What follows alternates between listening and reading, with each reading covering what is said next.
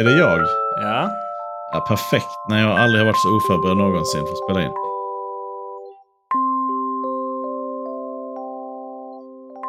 Så ja, hej och välkomna till Boktokiga Podcast. Eh, vi gungar igång med Sebbes knarriga stol och eh, kör ännu ett avsnitt. Lite försenat den här veckan, men jag tror vi alla är taggade och redo.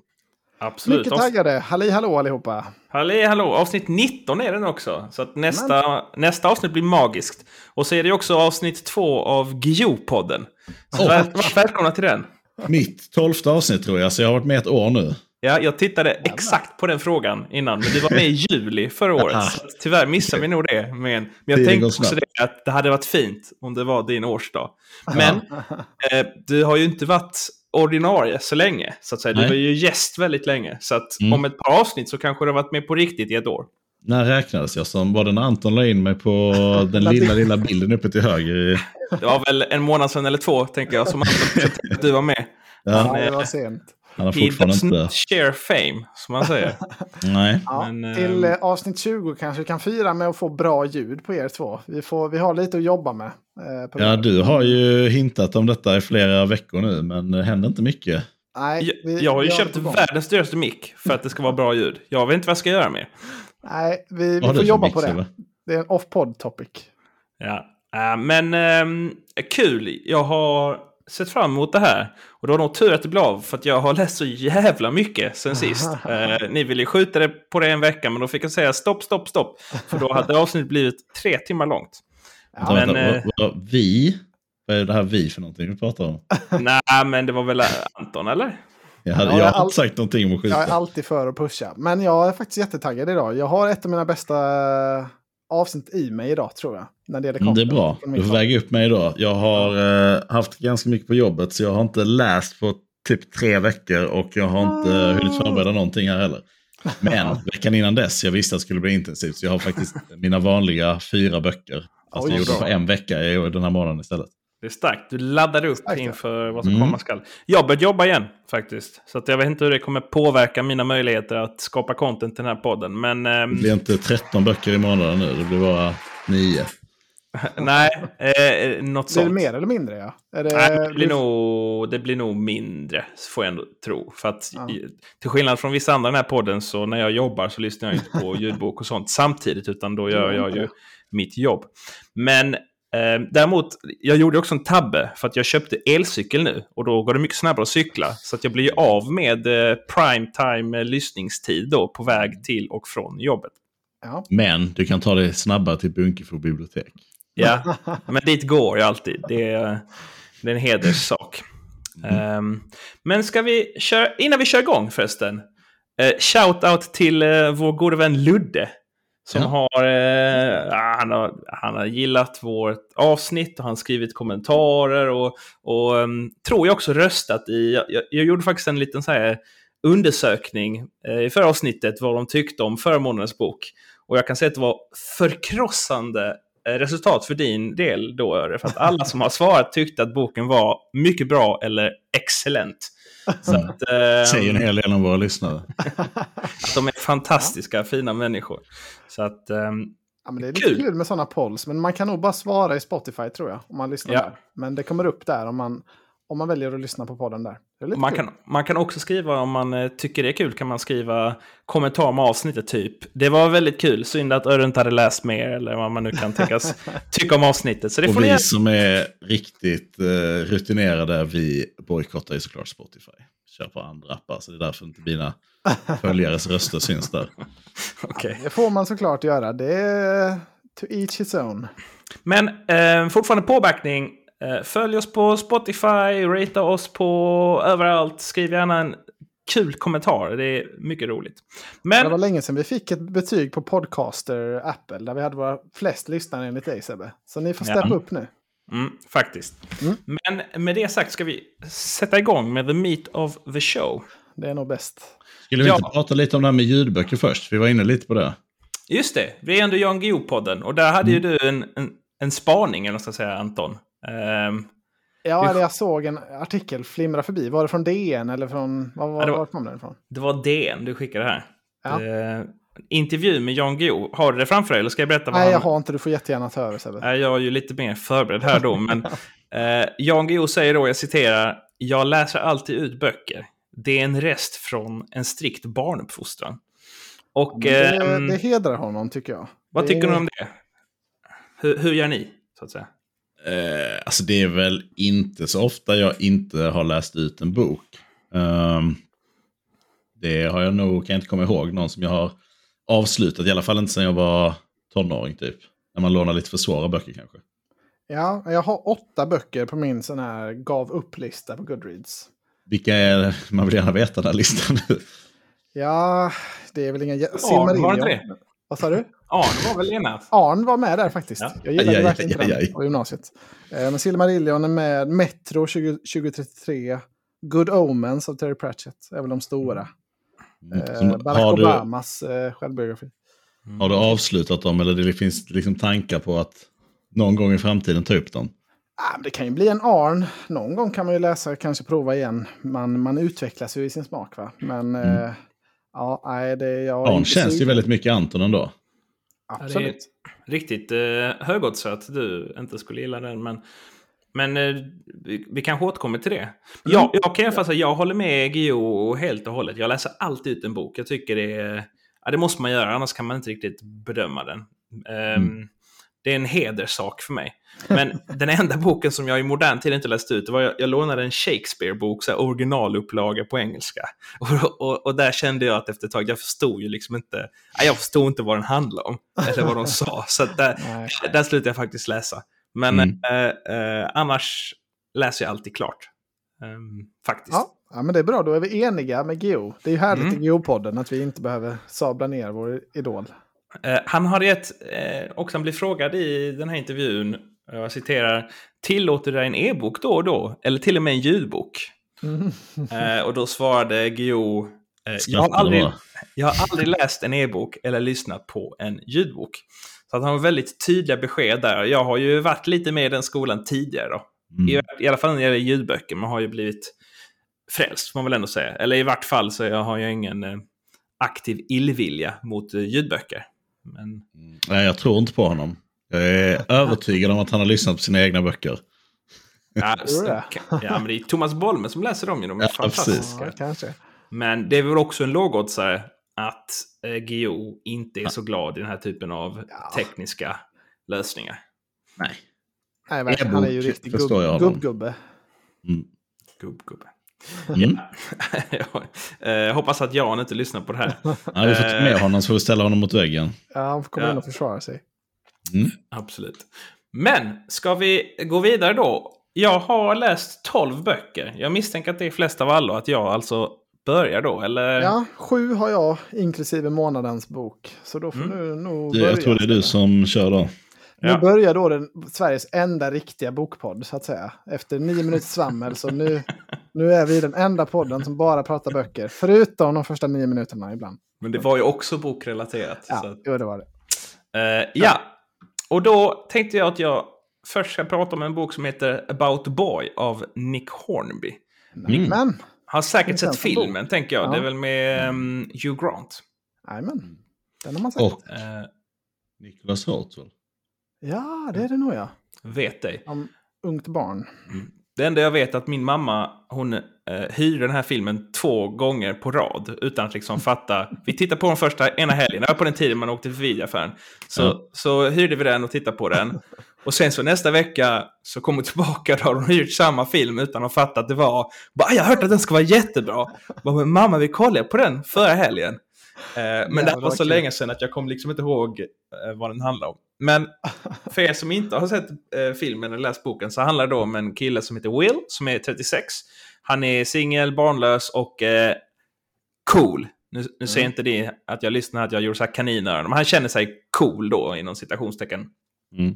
Men egentligen så är väl hans liv ganska tomt. Ehm, han är arbetslös, men han lever då på royaltypengar från en jullåt som hans pappa skrev. Så. Lite av ett drömliv, om man får Ja, för dig hade det varit det, men jag tror för han är det nog inte kanske så mycket drömliv. I alla fall så börjar boken med att han går med i en... Han går på en träff för ensamstående föräldrar då för att han ska ragga upp eh, eh, mammor som han tänker liksom är lite för snygga för honom egentligen. Man tänker genom att gå då, de som är ensamstående föräldrar, så ska han då liksom få eh, tjejer som är lite snyggare än vad han hade kunnat få i annat fall. Och hittar då på att han har en son. Eh, lite så här psykopatisk kanske att göra det, men det gör han. Eh, och han kommer då på det sättet kommer han då till slut i kontakt med en 12-åring som heter Marcus. Och som är, ja, han, han är annorlunda och han har det tufft i skolan och är mobbad och sådär. Eh, och anledningen till att han är det beror till ganska stor del på att hans mamma, hon är i sig lite annorlunda. Eh, så. Um, och dessutom så är hans mamma gravt deprimerad också, vilket eh, påverkar. Sen så handlar egentligen den här boken då om hur deras relation och hur de hjälper varandra då med deras respektive problem och, och växer. Um, och jag, jag, tyckte faktiskt den var väldigt bra. Jag, den var, äh, det var lätt att ta sig igenom, ganska kort, ganska fin tycker jag. I liksom det här, det finns ju en del knäppa grejer liksom, men det fanns inte någonting väldigt fint där som jag uppskattar. Så att en ja, stark men, fyra. Mm. Men vad, ja, vad, hur tycker du den, alltså med filmen, om du minns filmen? Nej, men jag minns du... inte den, Nej. faktiskt. Trots att du såg den två gånger. ja. ja. Du får läsa boken ju... en gång till så kanske det lossnar. jag, jag minns att jag var väldigt imponerad, eller tyckte det var väldigt smart. Han lever utifrån sådana här 30 minuters fragment, eller mm. sektioner. Gör han det i boken också? Nej, uh, det känns inte riktigt igen. Nej, det kanske eller är en var... grej från filmen då, att han delar upp. För han har inte så mycket att göra då, han är ledig hela dagarna. Så han har så här, jag, jag tänker hela tiden, hur ska jag fylla nästa 30 minuter? Och så mm. är det mm. så han, så han har massa dumma då tidsödslar projekt för sig hela tiden. Okay. Det kommer jag ihåg att jag tyckte var kul. Men eh, jag har svårt att tro att jag skulle gilla boken. Men det är ju om, det, om den har lite av den här Backman, alltså den här fina känslan kanske, så det kan funka. Jo, men lite så tycker jag ändå faktiskt. Alltså den är liksom ganska lustigt skriven. Liksom. Det finns en del mm. Eh, liksom, intressanta um, vad ska jag säga, eh, alltså intressanta liksom, tankar om, om samhället, om deras relationer. Han är ändå ganska smart den här eh, Will då, men han är samtidigt lite, ja han är, han är konstig liksom. Han lever ju ett väldigt konstigt liv. Ehm, men ehm, mm, ja, jag gillar den väldigt mycket, så jag kan rekommendera. Men det är ju något av ett, det är ju liksom relationsdrama, även om det då kanske är en annorlunda eh, relation i det här fallet. Mm. Mm, kul att höra Sebbe. Ska jag uh, haka på där nu? Tycker jag. Yes, då ska jag faktiskt uh, ta en bok som vi har fått uh, skickade till oss för att recensera. Från Seraf förlag. Det är en fantasybok som jag har hållit lite ögonen på den här författaren. Tycker han har väldigt bra influenser så det är därför jag var lite sugen på denna. Får jag bara Men fråga, det är inte ja. den vi ska läsa till nästa månad? Nej, det är en annan bok från, eh, som vi också har fått från ett annat förlag. Nu är vi, vi är ju trots allt Sveriges riktiga bokpodd, så nu börjar det liksom rulla in. Nu börjar vi få liksom, massa skitböcker skickade till oss. ja, men jag har ju efterfrågat denna. det är inte den, det är något annat. Det blir hemligt. Men den heter i alla fall, eller, alltså det största som står på boken är Sparven från Nim. Men jag tror egentligen att titeln är Den Nimska flickan och att den här Sparven från Nim är liksom serie, ja, i serien. Men eh, lite oklart. Det är i alla fall Daniel Bräsch som har eh, skrivit denna. Och eh, ja, hans influenser då som jag blev eh, imponerad av. Alltså dels gillar han så Harry Potter, Game of Thrones och The Witcher och sånt som är ja, liksom som ganska, alla gillar. Som alla gillar, ja. Men det som sålde in mig, ja, som också kanske alla gillar i och för sig, men det han verkligen tryckte på det var att han eh, är som mest influerad av eh, The Name of the Wind av Patrick Rothfuss. Som eh, både du och jag gillar väldigt mycket ändå. Alltså, jag hoppas att han eh, skriver lite snabbare då än Patrick ja. ja, det återstår väl att se. Är det Shirtaloon-tempo? Nej. Nej. Ja, det, Patrick Ross säger snarare George R.R. Martin-tempo. Han släpper en bok. Han, han, han ska ju släppa en trilogi, så han släppt de två första böckerna. Sen har han sagt att nästa bok kommer om ett år och han har sagt nu i tio år. Ja. Men, han blev känd och sen så... Var det har den sista Game of Thrones-boken kommit än? Nej. Nej, det är två kvar dessutom. Det den näst sista är inte ens i närheten. Jag minns typ 2011 när Milky hypade när han läste böckerna. Men, nästa bok kommer snart. Så ja, den senaste kom 2011. 12 år senare. Eh, men tillbaka från sparven från Nim. Eh, det handlar om en flicka som vaknar upp i skogen utan minnen. Eh, och så blir hon jagad av mörka krafter kan man säga. Som, ja, men de vill åt, alltså, antingen är det något med hennes liksom, släkt eller möjligtvis att hon har lite mörka krafter i sig som de vill åt. Det är lite av ett mysterium och hon har ju inte sina minnen då. Och sen är det en ganska liksom, klassisk, vad ska man säga, lite ja, men A till B-fantasy. Verkligen den gamla skolans fantasy. Att hon då reser genom det här riket, den här fantasyvärlden. Träffar på olika, olika liksom väsen, olika människor och liksom lär sig lite mer om, om ja, vem hon är och liksom om världen och vad hon kanske behöver göra. Eh, och jag tyckte den här boken började jättebra. Alltså jag tyckte det var liksom den satte, det var liksom läckert beskrivet, härlig värld, man kom in i det direkt. Eh, sen tyckte jag, alltså den är skriven då i, i tredje person, men det handlar, alltså det följer bara den här då sparven från Nim som är huvudpersonen. Så man får bara följa hennes perspektiv. Och det jag tycker boken börjar liksom tappa i att det är liksom inte så mycket driv framåt. Eller det är liksom mer cliffhangers eller något som man är liksom inte... Man blir inte jättesugen på att, på att läsa vidare hela tiden. Um, så jag tycker väl att den, ja, jag, jag har väl landat liksom på en trea ungefär i betyg. Och jag tycker det är ja, en, en kul värld han byggt upp, men han är ju då de, debutförfattare, det är hans första bok. Och eh, ja, det, det är mm, gott första försök, men det kan nog bli bättre, tror jag. Alltså, fantasy på svenska har jag typ Alltså jag har inte läst det i vuxen ålder. För mig känns Nej, fantasy eh... som att så här, det ska vara på engelska. Och svenska fantasyböcker känns för mig liksom som att det är, men det är ungdomsböcker. Ja. Alltså, mycket blir så taffligt tycker jag på svenska, så med, när man översätter. Nej, jag vet inte, jag, jag har inte riktigt testat det. Med, det. med det sagt så att det är klart att det kan vara bra, men jag blir alltid ja, blir... lite, lite bortskrämd när så här, Ulvbanens ljus. Alltså, så här, ja, jag det är lite det ser så, töntigt ut. det blir, man tänker ju lite Bamse, lite, ja, det blir lite tomtar och troll-feeling över det. Och jag alltså, uppfattade det i början som att den här huvudpersonen, då, den här flickan, var kanske 12 år. Jag tänkte verkligen, men oj, det här är liksom en ungdomsbok. Men sen kommer det fram mycket längre in i berättelsen att nej, hon är liksom vuxen. Eh, mm. Så jag var lite fel fel på det. Men jag tycker det är liksom en sån här klassisk magiskola som man går på. Tyvärr så slarvas det bort helt. Alltså det skulle varit mycket mer på den här skolan, tycker jag. Eh, och sen är det dödsfall som sker, eh, som liksom nästan sker utanför texten. Alltså verkligen bara i en bisats. Och det, det borde varit liksom det, nästan det största momentet i boken, tycker jag. Så det var, det kan jag inte riktigt förstå heller. Så jag, mm, jag tycker inte han landade riktigt det bra början som han, han byggde upp. Ehm, men eh, ja, det var ändå kul att läsa. En svensk, alltså jag har ju läst väldigt mycket, den är Epic High Fantasy då, skriver de förlaget. Jag har läst väldigt mycket i den genren, men inte på svenska. Eh, tyckte väl kanske inte att det var så jätteepic, den här första delen, men eh, kanske kommer. Ja, kul, bra försök, försök igen. Ja, lite så. Han är bara 23 tror jag, eller 24, så han har tid på sig. Och... Ja, ja. Men det, alltså det kan ju, man kan ju stå till på första Alltså Red Rising till exempel är ju en debut och Eragon och The Rage of Dragons. Så det kan, det kan ju hända. Det var lite det jag hoppades här. Tänk om jag träffar ett guldkorn nu. Men eh, det, var inte, det var inte riktigt Red Rising-nivå. Mm. Då är ja, det min tur. Förlåt, det blev långt. Nu går vi vidare.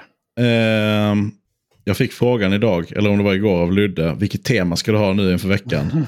Så kom jag på, jag har inget tema, Nej. men jag har kommit på temat. Jag ska skaka fram ett. Tema svenska författare. Jaha. Ja. Mm. ja, det var ju brett.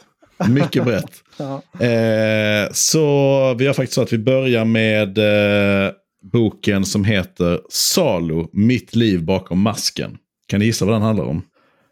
Uh, utslagen i kvartsfinalen uh, 2000 någonting. Hockeymålvakt. Ja, det stämmer bra det. Det är Tommy Saders självbiografi. Ja. Eh, och, Spännande eh, ändå. Den hade jag gärna velat läsa också. Känner ja, direkt nu när du säger det. ja, man, man, så kände jag också när jag såg den. Ja. Alltså, oh, eh, biografi, en person, eh, sport, man har varit med om det själv. Man minns ju liksom hur knäckt man var. Jag minns jag satt i, det var på sportlovet i Österrike eller någonting. Och man satt där och bara, nu ska Sverige vinna OS-guld i hockey här och de ska möta Vitryssland. Det här är lätt match. Och sen så bara hände det som hände. Ja, men det är ett av de eh. stora liksom, landstraumorna vi hade i vår uppväxt. Ja, precis. Och även för, uh, för Tommy Salo var det ju ja, life changing kan jag säga efter att ha läst den här boken. Ja, uh, ja men uh, tyvärr så tar han ju kanske, han tar inte upp, han är inte jättesugen på att prata om det här i sin bok.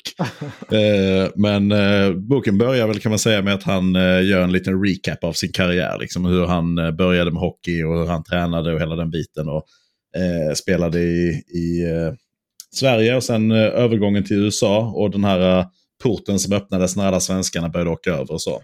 Mm. och den var, det var ganska spännande, liksom, men det var inte något sånt exceptionellt. Utan det var en story man har hört mycket tidigare. Jag har ju läst den här boken med Staffan Olsson till exempel. Det är lite liknande i, i uh, stilen. Eh, ingen jättekvalitet på det språkliga i boken, utan mer eh, fokus på storyn.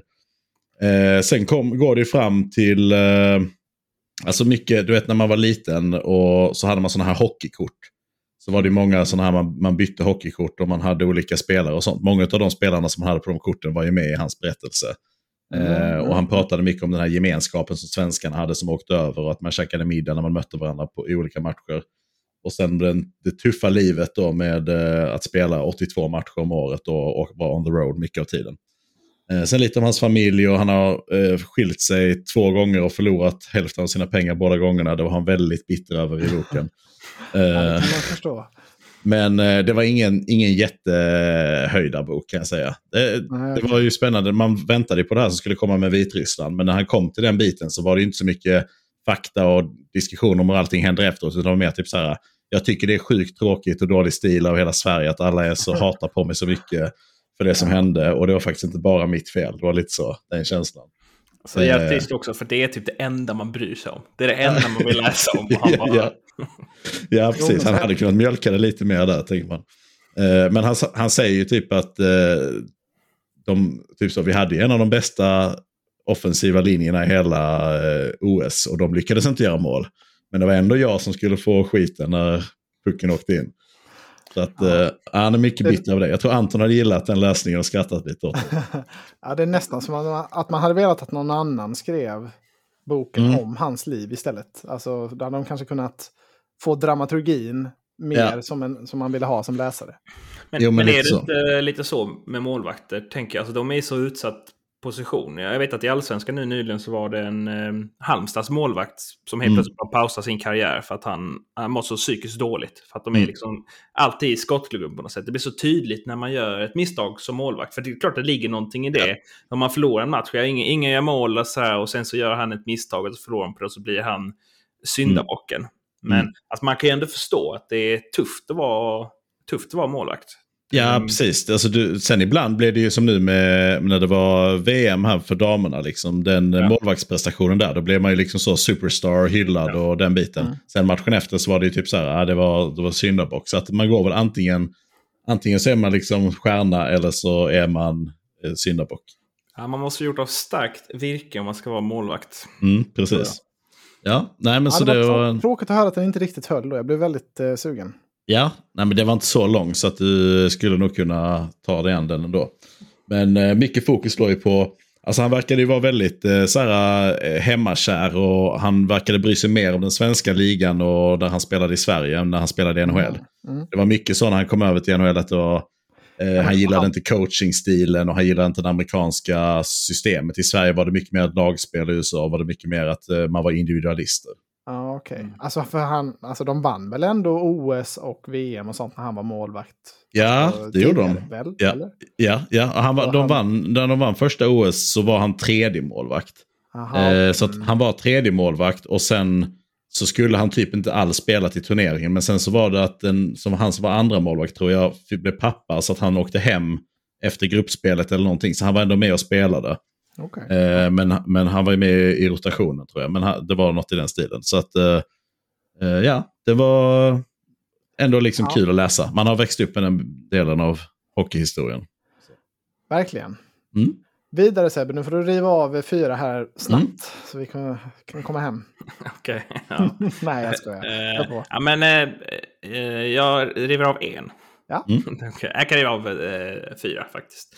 Ja, om vi börjar med, med de tre första så har jag läst eh, del fyra till sex i Pionjärerna. Som heter Återförenade, oh. Upprorsmakarna och Guvernören. Och mm. den har vi pratat om nu i varje avsnitt den senaste, senaste kvartalet eller något sånt. Mm. Men eh, tycker fortfarande den håller. Den handlar ju om koloniseringen av eh, Australien. Och till skillnad från vi har jämfört den med Utvandrarna, både du och jag Anton. Och Ja. den här är ju lite större skala. De här böckerna nu, de tre senaste jag har, jag har lyssnat på, handlar ju mycket om, alltså om kolonin i stort och de här, maktkamperna som försiggår där, där man har en superkorrupt eh, militär som Mm. liksom tjänar massa pengar på illegal romhandel och liksom som ja, egentligen ser till att ingenting fungerar och de har all makt och de sitter i domstolen och sådär. Mm. Ehm, så deras kamp då mot guvernören som är utsedd av, av eh, kungen för att styra det hela. Och det, det är väldigt spännande och det, det är mycket intriger och det är eh, en del action och sådär. Och sen ehm, så också eh, en konflikt som är väldigt intressant är ju att till den här då straffkolonin som det ju ändå var så skickar man också ganska många irländare som eh, i sig liksom inte erkände Storbritanniens eh, suveränitet över Irland. Så de är ju i sig, liksom tycker inte, de har ju blivit dömda och så för att de har eh, varit mot det brittiska styret över Irland. Och tycker fortfarande det är fel så att säga när de kommer till Australien. Så det blir ju en Ja, extra... mm. Ja, jag tycker det, det, det finns många liksom, spännande trådar som de drar. Det blir mer och mer större. Jag känner verkligen så här, fan vad jag hatar vissa karaktärer. Alltså man vill bara att de ska dö. Med riktiga kräkar. Ja. finns väl en rätt stor sannolikhet att de kommer dö också. Ja, och det som jag tycker är lite spännande det är att det är lite eh, nästan Game of Thrones liksom över... Det är många som dör. Det är inte sentimental eh, författaren liksom att helt plötsligt bara döda en som är central för plotten. Och så kommer Ja. någon ny och så, här, så det tycker jag är... Hur, Det många böcker, hur många böcker är det totalt? 12 på, alltså, i första utgåvan, men nu är, gör de ju två böcker per del då i den här ny Okej, så 24 då, typ. då. Men hur, hur lång tid sträcker sig det här tidsperspektivet över? För, alltså från start till slut. Vet du det Anton? Eller vet du det? Nej, hur, långt har, hur lång tid har det gått från första starten på första boken till där du Ja, är nu? kan, typ 30 år kanske. Nu är, de, eh, nu är de tidigt 1800-tal, så det är samtidigt som England st- krigar mot eh, Frankrike och Napoleon och sådär. Så att det är ju rent tidsmässigt eh, väldigt nära eh, månens bok faktiskt. Mm. Ehm, Jag tror de kör rätt långt fram, eh, vill jag minnas. Mm. Och också tidsmässigt, ja, lite innan, men ändå hyfsat nära nästa bok som jag tänkte då, eftersom jag skulle ta fyra. Mhm. Och det är då Heart of Darkness av Joseph Conrad. Oh, den har jag varit sugen på länge. Eh, och den boken, när vi läste den här Kongo-boken, eh, Red Cobalt Red hette den va? Mm. Så gjorde de ju mycket referenser till, till eh, den boken. För att Heart of Darkness handlar om... Alltså det är egentligen en, en britt som berättar här, alltså andra... Eh, andrahandsberättelse liksom. Men det handlar om en britt som han får anställning på ett belgiskt handelsföretag då. Och ska åka in i Kongo, som ju då ägs av den belgiska kungen Leopold, hette han väl? Det har vi också pratat om tidigare, att han var ju ett superas. Men Kongo Han var ju är även med hans... mycket i Jan Guillou. Ja. Och väl ansvarig kanske typ för det största folkmordet någonsin liksom. Och var otroligt eh, grym. Och ha, hans jobb i alla fall är att frakta elfenben längs Kongofloden. Så han ska åka in i den mörkaste då delen av Afrika. På den här tiden så var det till och med så att de, de innersta delarna av Afrika fanns inte ens på kartan. Utan där fanns bara liksom en stor... En, en vit fläck. Vilket är ganska sjukt. Typ som på World of Warcraft eller något sånt. Liksom. Han har inte upptäckt ett område och, och så, så var det liksom då. Så han, men han skulle åka upp då längs floden och där får han då liksom uppleva eh, alltså alla de här grymheterna som européerna utsätter eh, lokalbefolkningen för. Alltså de är otroligt, eh, otroligt grymma. Och det kopplar ju sen till det som också handlar om Red Cobalt Red. Liksom, att det börjar redan på den här tiden då med alltså missförhållanden som man utsätts för. Och, och sen är boken otroligt eh, alltså symbolisk och det är mörka teman. Och, och eh, huvudpersonen han blir liksom besatt då av eh, Kurtz. Som är då eh, en, en central person och som bor längst uppe då vid den här floden. Liksom, och eh, nästan tillbed som en gud av lokalbefolkningen. Han är en väldigt mytisk person då. Okej. Eh, Mm. Så ungefär det handlar om. Och det, Det här är en väldigt gammal bok, eller? När, när Ja. skrevs den här? Men den är från 1800-talet någon Ja. gång. Ehm, och det märktes. I, alltså den är kort, den var bara typ 120 sidor eller någonting. Mm. Men den var otroligt svår. Jag läste den på engelska eh, och det var... Ja, det var tufft. Jag läste den och var på semester hos kompisar i en, en stuga. Och så här, när jag skulle läsa den, jag var liksom tvungen att gå bort så jag inte var i närheten av någon. För att så fort någon liksom sa ett enda ord och jag tappade liksom eh, fokus i två sekunder, då förstod jag ingenting. Så det var verkligen sån... Eh, Vad var den på Pale Fire-skalan? Eh, alltså mycket, mycket svårare än Pale Fire. Pale Fire ja. var ju en fröjd. det var, var bara jobbigt att man var tvungen att hoppa mellan. Och... Ja, ja, precis. Det var mer logistiska problem ja. där. Här var det att det var, väl, det var väldigt svårt att förstå. Liksom. Och mm. mycket mm. symbolik och hänvisningar och referenser liksom, till saker som nog är svårt att förstå. Alltså på den tiden så kan jag verkligen fatta att det var liksom coolt mm. och fett. Men jag hade lite svårt att ta till mig den. Är den kontroversiell eller, eller hur har det åldrats med kurrikulumgrupper alltså, och sånt där? Är det... Nej, alltså nej.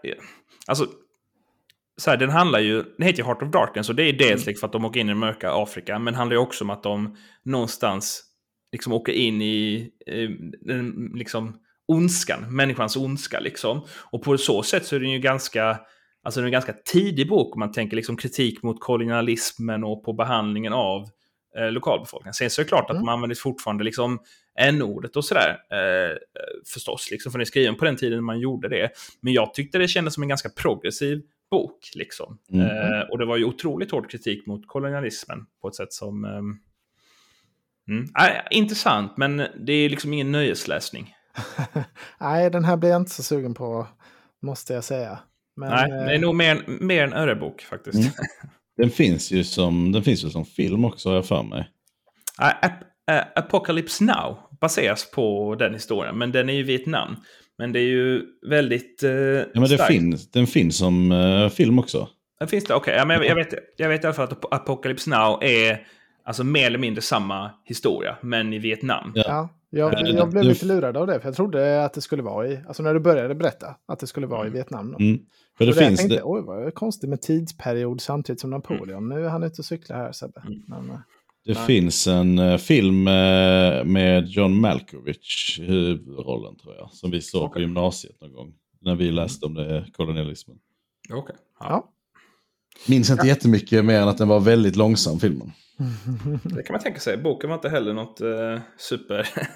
det var inte så mycket speed om man säger som så. Nej. Och sen Anton ja. har någonting med lite mer speed. Han brukar gilla det. Ja, men jag kan väl ta eh, tillbaka till Geo nu då. Det har varit lite väl länge utan Geo tycker jag. För jag har nämligen läst ut Arn-serien nu då. Eh, både Landet vid rikets slut, som är då sista boken med Arn kan man säga. Och sen sista delen, del fyra. Livet efter Geo. Arvet efter Arn då, som den tydligen hette. Uh, men... Um, Får jag ja. bara säga innan du går in, Förlåt. att jag har... Uh, vi sa ju sist att vi båda skulle läsa den, så jag har också läst um, Kungariket vid vägens slut. Och jag har lyssnat på uh, ja, en sjättedel kvar av Arvet efter Arn. Så vi säger att jag har läst den också, så behöver vi inte prata om det här nästa gång också. På tal om ja, att avsluta en bok. jag, jag har inte hunnit. Det är, varsågod. Ja, nej men eh, vad kul Sebbe att höra. Jag tyckte att det här var de två bästa delarna i serien. Um, jätteintressant då om hur Arn eh, liksom tar sina kunskaper från Mellanöstern upp till Sverige och eh, liksom bygger upp, börjar uppbyggnaden av landet. Och sen så sista delen då handlar ju om eh, Birger Jarl. Som är lite av en alltså så här, mytologiserad namnen då som man har hört mycket om men kanske inte riktigt kan placera supermycket om. Förutom att han på något sätt liksom var, grundade Sverige. Ehm, så jag tyckte det var otroligt intressant bra krigsscener, alltså väldigt intensivt och spännande. Ja, det var Geo verkligen på sin, eh, på sin topp, tycker jag. Mm. Jag satte fem av fem på båda. Jag tycker de första två delarna var starka fyror. Tyckte de här sista två var ja, mm. klar femma. Mm. Men du, när du sa innan med din lista att du inte hade läst ut Arn, alltså var det tidigare då, sen har du läst ut den senare?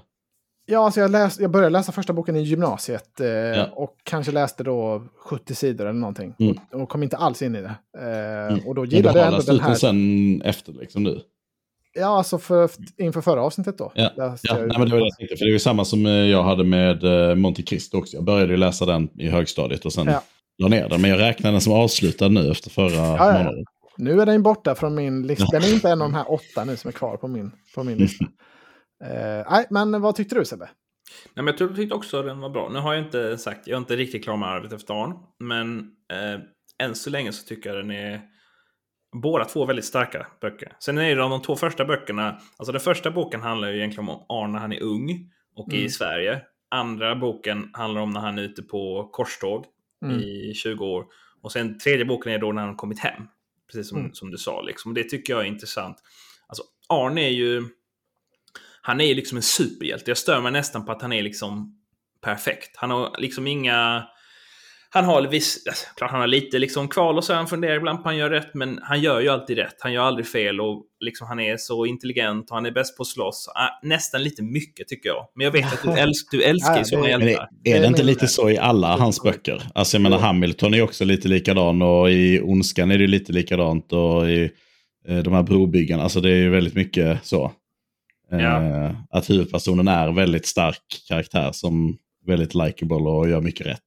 Ja, Ja, men ja, så är det ju. Eh, men det är många, jag tycker det är många bra karaktärer. Jag tycker Birger Jarl ska då vara Arns eh, barnbarn. Är tanken mm. liksom. Så att det är ju det.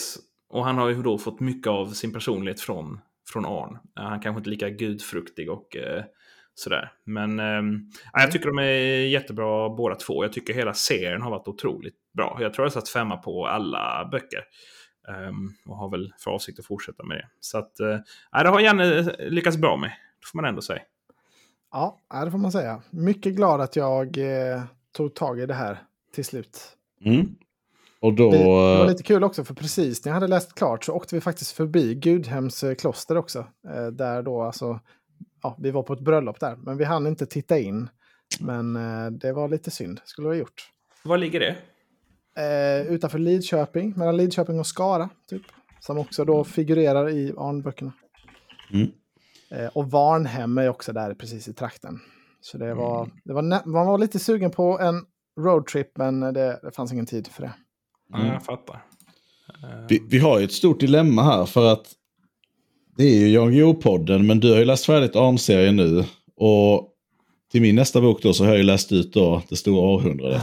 Så att nu har jag ingenting mer där heller. Nej, det är... Eh, så min nästa bok är då Slutet på historien som är den tionde delen i Det stora århundradet, som är den sista delen i Brobyggarserien. Eh, som är min favoritserie, framförallt de första böckerna. Ja, det ska bli spännande eh, att höra vad du har att ja, säga om den här avslutningen. Du har läst färdigt den va? Båda ni har läst färdigt den? Ja, ja, det har vi pratat om flera gånger. Eh, det var det jag tänkte, men jag var inte säker på att uh, du Sebbe hade läst sista delen. Vi pratade om det förr, lyssnar du inte på vad jag säger? Nej, oftast inte. Uh, jag brukar uh, scrolla lite på mobilen när du pratar.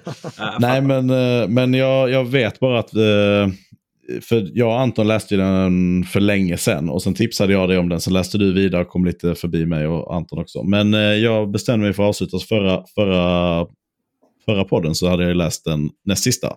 Tänkte jag, jag får avsluta det här. Eh, och eh, ja, det här är ju liksom, man, man, kan väl dela upp den nästan i två storylines eller två huvudpersoner. Inte den här boken då, utan själva serien. Att den första följer de här tre bröderna, den andra delen följer ju eh, en annan karaktär ja, som är kanske Jan Guillous eh, alter ego-ish. Eh, men eh, jag gillade den, tyckte det var, var ett värdigt slut. Eh, men det jag tyckte var bäst med boken, som jag var mest sugen på, det som jag gillade mest med den, det var ju The Return of Stirnbaum 4. uh, ja, det längtade man efter hela serien. Ja, jag Harald han hette? Eller? Ja, Harald. Jag saknade ju honom för att i den boken uh, mellan rött och svart så växer han ju upp och är en liten pojke och eh, liksom dras ju mer åt eh, nazisthållet. Och sen så försvinner han ju. Alltså han är ju med i andra världskriget eh, och inom den tyska armén. Sen försvinner han ju och så får man inte reda på någonting om vad som har hänt med honom. Han är lite, lite så skamfläcken i släkten. Så det är ingen som eh, vill veta av honom och de pratar liksom inte så mycket om honom. Sen bara släpper de det spåret helt. Så jag var lite så här, det är märkligt att, att de inte gjorde en bok om honom. För det hade verkligen om man nu skulle liksom välja båda sidorna på kriget så hade det varit sjukt intressant att få en bok om hans story.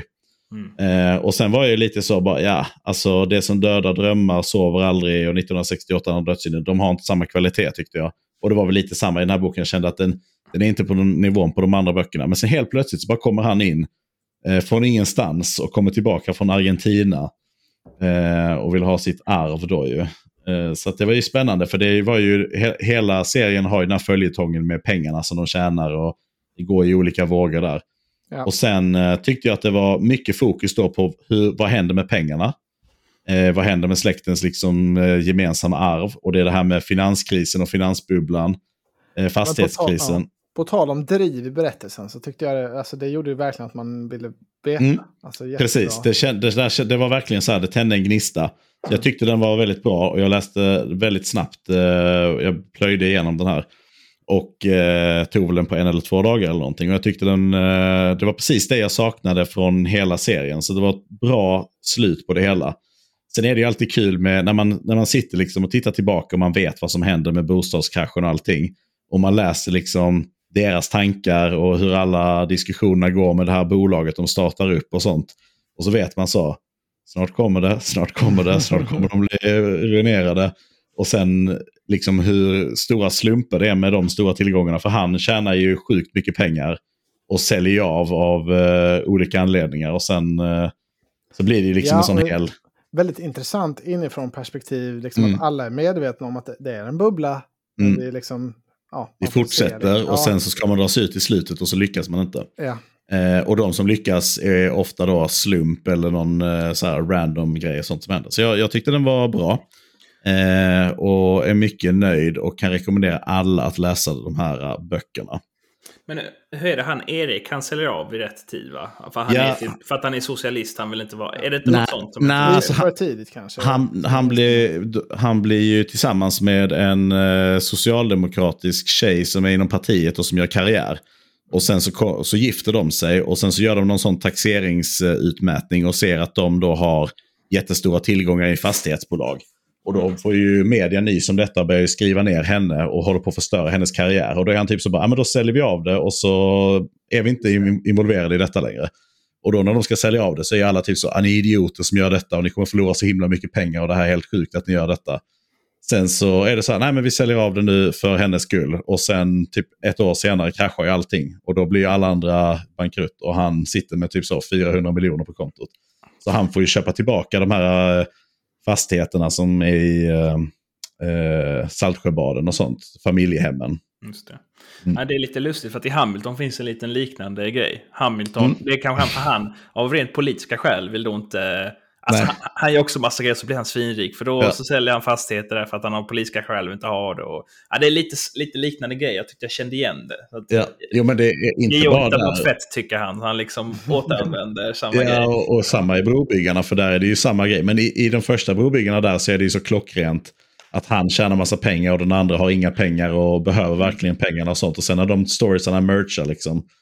Eh, och sen kommer ju hela Dresden och allt, allt sånt. Så det är mycket sånt genom de böckerna. Men det är ju sådana saker som man, man tycker är kul också när man läser. Det är ju liksom lyfter ju storyn.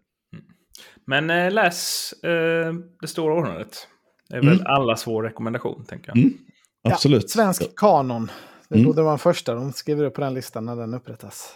Ja. Läste ni det? Det kom upp någon, eh, någon som hade försökt ta fram en sån lista som kändes riktigt skitnödigt. Det var typ så här, bara böcker liksom. Äh, nej, jag vet vi behöver inte snacka om det. Men det Det var, det var så dåligt. Men har ni några böcker som ni tycker verkligen borde vara med? allt He who fights with monsters. i, i svenskt kanon. Ja. Ja, men jag tänker Ja. det, fin det finns ju vissa sådana klassiker som verkligen, alltså lite så Astrid Lindgren och sådana Ja. saker som är... Och Utvandrarna. Alltså, det är klart att Utvandrarna, det- alltså, så. Men, eh, Mm. Ja. Vi, får, vi får göra så här, i vårt årsavsnitt får vi göra vårt eget kanon. Får alla ta med tre böcker. Vi kan börja jobba på det. Det kan vara ett Ja. projekt. Mm. Yes, det är du Sebbe. det är jag. Jag har läst en riktigt, en riktig örrebok. Uff. Oj. Ja, Är det en svensk författare kanske? Ah, det är två. Oj. två. Oh, vänta, det är det, det, är det Per eh, Ebervall och... Nej, nej, tyvärr inte. Nej. Den heter 438 dagar. Kolon. Oh. Vår berättelse om storpolitik, vänskap och tiden som diktaturens fånge. Och det är då Johan Persson och Martin Schibbye. Mm, jag har läst den ju- också. Ja, du har gjort det? Ja, vad kul. Ehm, som ju eh, satt fångade i, i var det Etiopien? Tror det. Ja, Etiopien. var i alla fall, de är, det, ja. De är alltså, där i trakterna. De är väl i Dar es Salaam ett tag och Ja, de ska smyga in över gränsen. Ja. Mm. ja. För, för alltså, hela bakgrunden till boken handlar ju om att, alltså att de satt i fängslar och så där, det har väl kanske de flesta som är Ja, det var ju ett par år sedan det hände nu, men, men eh, är man vuxen och följt med i media så har man ju sett det. Men mm. alltså hela grejen handlar om att de skulle eh, undersöka, det finns en, en region i då Etiopien som gränsar till Somalia som heter Ogaden där det har förekommit, eh, ja, det har varit liksom mycket, det har varit in, inbördeskrig där i princip då mellan Etiopien och eh, då vissa lokala eh, frihetsrörelser eller gerillor eller vad man ska kalla dem då. Som, eh, att där finns jättemycket olja och då vill Etiopien såklart utvinna det och man har in, eh, man har in massa oljebolag från eh, ja, men från västvärlden som vill utvinna det. Medan då de här gerillorna tycker liksom att det ska tillkomma folket då. Och det är då inte Etiopien. Etiopien har inte rätt att vara där menar Och eh, bakgrunden då till, till, att de skulle ge, ge, sig in där då, Johan Persson och Martin Schibbye som är eh, journalister, det var ju då att Lundin Oil, som ju bland annat då eh, Carl Bildt på den tiden, han satt ju i deras styrelse. Eh, de eh, funderar på att etablera sig i den här då Ogaden-regionen. Och mm. eh, man såg ju då i princip så att för att företagen, de blev då utsatta för eh, attentat av de här grillorna för att de ville inte att de skulle vara där. Och då för att de skulle etablera sig där och börja utvinna eh, olja, då krävde de säkerhetsgarantier från Etiopias, eh, Etiopien då. Och eh, de här säkerhetsgarantierna, vad det innebar i praktiken, det var att de gick dit och bara typ mejade ner alla som bodde i närheten av de här oljefälten. Ehm, och när då Lundin Oil skulle etablera sig där så var det såklart intressant. Särskilt då som Lundin Oil sedan tidigare då varit liksom i princip varenda, varenda oroshärd i världen hade de varit inne i. De har varit inne i Kongo med kobolt och de var ju eh, de åtalades väl, eller anklagades i alla fall för folkmord i Sudan och sådär. Och nu skulle de då etablera sig i det här Ogaden-regionen. Och därför gav de sig in där då. För att de vill liksom se alla sidor av konflikten. Det var bara det att på vägen in då till den här Uganda-regionen, som de smugglades ju in via Somalia. Och, eh, och då blev de då, ja de blev avslöjade helt enkelt och hamnade i, i eh, fängelset och satt där då lite över ett år. Och så är det en väldigt liksom, ja men sjuk rättsprocess fram till det. Och man får läsa om deras liv i det här fängelset och jag tyckte det var väldigt, ja. Eh, väldigt intressant faktiskt. Ja, ehm. det, det är sådana här böcker som jag älskar. Den är verkligen en, eh, det är reality, det är riktiga händelser, det är sjukt spännande, det är politiskt, eh, det är mänskliga rättigheter eller bristen på. Mm. Och det är Ja, man, jag minns ju också när det hände och det gör ju extra liksom att man läste om det i tidningarna och de här och så. Så att jag tyckte den var jättebra också. Det var väldigt spännande, dels eh, berättelsen om liksom nedbrytningen i fängelset. Det har man ju, ser ju väldigt liknande ut i många fängelser i världen. Men sen också det här uh, hemliga sp politiska spelet bakom allting minns jag väldigt mycket av. Eh, med eh, all diplomati, tyst diplomati och sånt. Ja, den var um, otroligt uh, bra tycker jag. Och det är lite kul också för den mm. skrevs ju... Alltså liksom vartannat avsnitt då var skrivet av Johan Persson och vartannat av Martin Schibbye. Och de är så väldigt olika i liksom hur de uttrycker sig. Där Johan, mm. Johan Persson framstår liksom typ som, han är då fotografen. Han framstår liksom som en okultiverad vilde liksom, som bara vill liksom göra kaos och röka hela tiden. Uh, och är liksom jättehetlevrad. Och medan då den andra Martin Schibbye är lite mer ja, eftertänksam och mm. ja, precis, skriver liksom kloka grejer. Och så. Ja, det var en kul kontrast. Väldigt bra bok, tycker jag. Mm. Ja, Absolut. Jag har varit sugen på att se filmen, men jag har inte tänkt på boken. Men det kanske jag borde överväga nu då. Vet, mm. ni, varför, vet ni varför jag läste den? Nej. För att jag fick den gratis av... Bunkeflostrand bibliotek, rulla jingel. Yes! yes. ja, vad, vad bra gjort. Ja, men, de, har ju, de har en sån här hylla ibland så har de eh, liksom med böcker som de eh, inte vill ha längre. Mm. Och där finns en del riktigt bra grejer. Så att, eh, där fick jag den ifrån. Så jag har den om någon vill låna. Mm, Anton? Uh, jag, kan, jag har faktiskt läst två böcker liksom i pappersformat den här, uh, den här månaden. Dels den här då, Sparven från NIM och sen en till fantasybok uh, och, som, jag som jag fick från dig Sebbe eh, när jag fyllde år. Så det, och jag känner att nej, det här vill jag verkligen inte göra mer av. Eh, du är det, utbränd. Ja, det, det är Vill inte läsa fler böcker. Nej, men jag tycker det är så dålig upplevelse att sitta och behöva bläddra. Det är så svårt att ta sig tid. Liksom, Albin, Albin blir jättearg om jag sitter och håller på med en bok. Liksom. Han är mycket mer förlåtande till om jag läser i min mobil. Eh, det kräver ju båda händerna på ett sätt. Ah, jag, hat, jag hatar det. Jag vill göra Dagens lite... ungdom, digitala medier och mobiler och paddor och sånt. Eller? Men var du klar Sebbe? Ska jag ta min? Eh, jag är klar. Jag kan ta snabbt här. Jag kommer tillbaka till den här fantasyboken. Jag vill, jag vill vara på lite bättre humör när jag drar den. Men jag kan dra The Final Gambit har jag läst ut. Alltså sista delen i den här Inheritance Games. Som du valde Sebbe. Var det till förra månaden? Mm, förra podden. Nu Ja. kan ni hoppa fram 45 sekunder två gånger. Ja, nej, men jag tyckte väl ju bo- att första boken var väldigt bra. Jag tyckte andra också var bra. Sen eh, nu här i tredje och sista delen då så... Alltså det blir ju, pusslen blir ju större, stakesen blir större. Men jag tycker kanske att det börjar spricka lite i sömmarna här i, i ramverket. Alltså det krävs rätt mycket... Alltså det krävs att man köper rätt mycket, rätt mycket suspension of disbelief för att man ska liksom vara med på tåget här.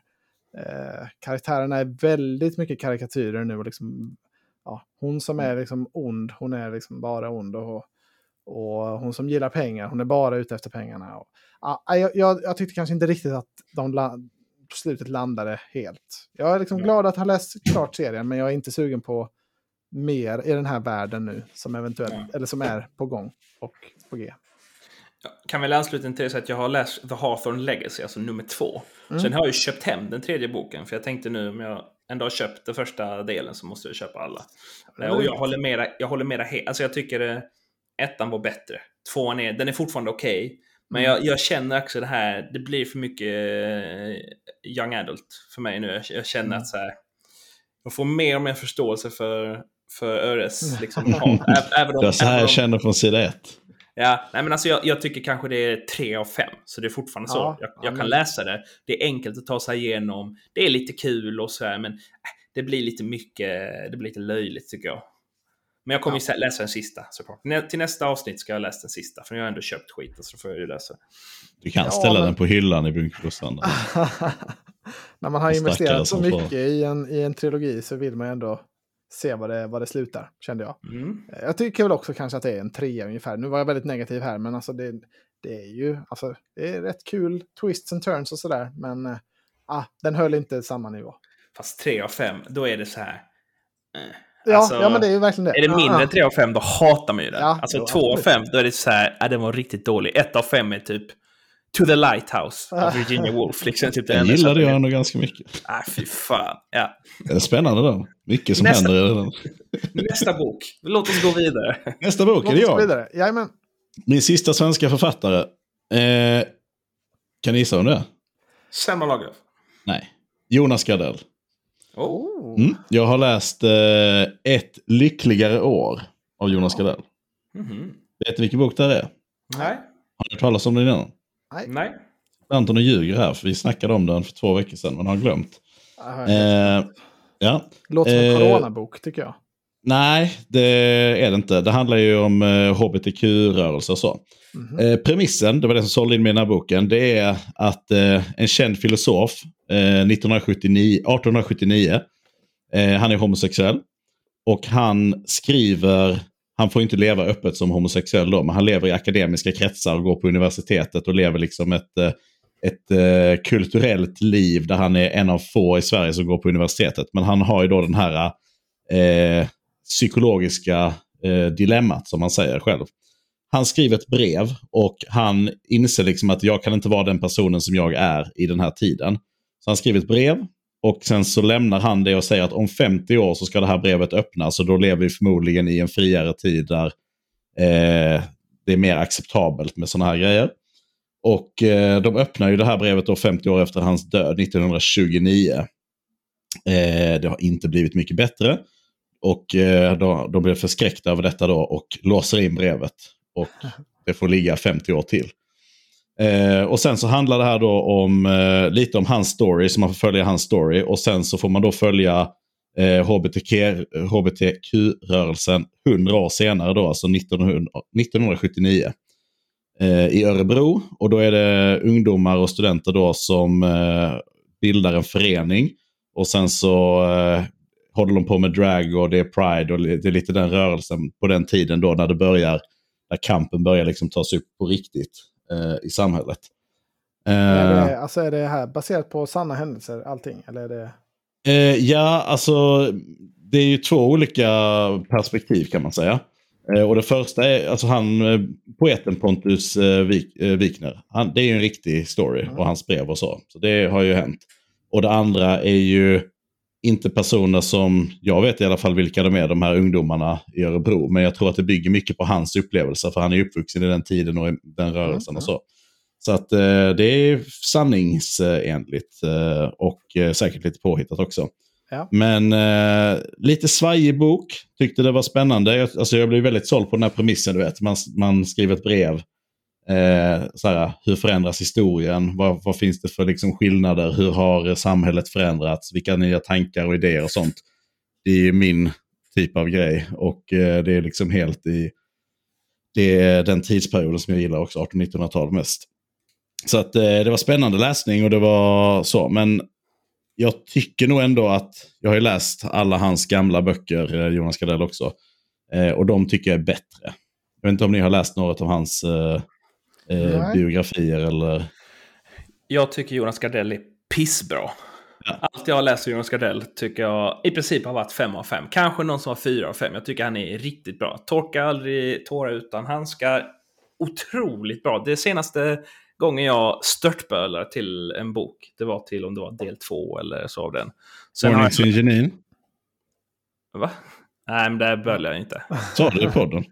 Nej, kan, alltså, kanske så att jag blev lite tjock i halsen. Alltså, jag menar liksom mm. verkligen, verkligen liksom, typ jag kan inte hålla inne tårarna, det gör så ont i kroppen om jag inte bölar nu. Så Mm. kände jag med den. Och sen Mm. har jag läst eh, också de som baseras på hans liv. Alltså, En komikers uppväxt. Ja, och ett ufo. Göran ehm, tre. Du får göra en tre exakt. va? Mm. de har jag också läst. Ja, Tyckte de jag läs... också var väldigt bra. ja, jag läste dem när jag var kanske 15 eller 16 eller någonting. Jag tyckte de var jättebra också. Eh, Jag har inte läst Torka aldrig tårar och eh, tror jag har läst någon annan bok som han har gjort men som har varit lite så här. Men den här boken den var, jag tyckte den var bra men jag tyckte inte den var lika bra som de andra. Eh, men det är, ju det är en spännande premiss och så. Så att eh, ja, det hade varit kul om du läste den också Sebbe och se vad, vad du tyckte. Men eh, jag tycker det är en eh, spännande idé, tanke. Spännande att följa rör, ungdomsrörelsen på slutet av 70-talet också. Ja, det är inte omöjligt. Det, ehm, Nej, det kanske man- honom. Man borde ge sig på. Jag har, jag har inte läst någon Gardell-bok. Så det kanske man borde göra. Du borde börja med komikers uppväxt först tycker jag. Mm. Visste ni, eh, Gardell, han var ju med i Alla mot alla. Eh, det här Mm. Filip och Fredrik-programmet. Mm. Och då mötte han, för det var ju han som jag hatar, Alex Schulman. Eller hatar, hatar, men som jag tycker illa om. Alex Schulman och Jan Guillou var ju i samma lag ett år. Ja. Ehm, och då mötte de Jonas Gardell.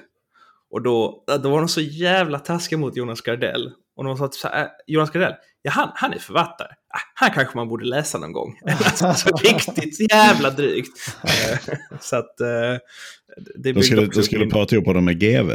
Han har kunnat uh, dissa tillbaka lite mot uh, Jan Guillou. GW var ju med hon Cecilia Frode, eller hon hette. De var ju sämst. Men... Ja. Nej, det var Mm. inte GW, det var Jenny Olsson. Skitsamma. Ja. Ja. Äh. Mm. Nej, men, men jag, jag tycker att- han, jag Ja. tycker att hans eh, böcker är bra.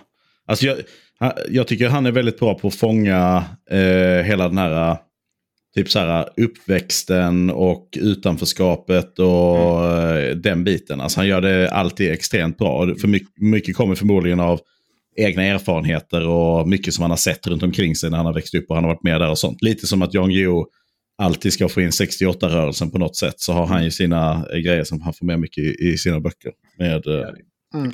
Pride-rörelsen. Mm. Men han, han gör det bra. Mycket bättre Absolut. än Schulman. Om man måste välja en författare, välj Jonas Gardell. Ja. Eh, Håller med.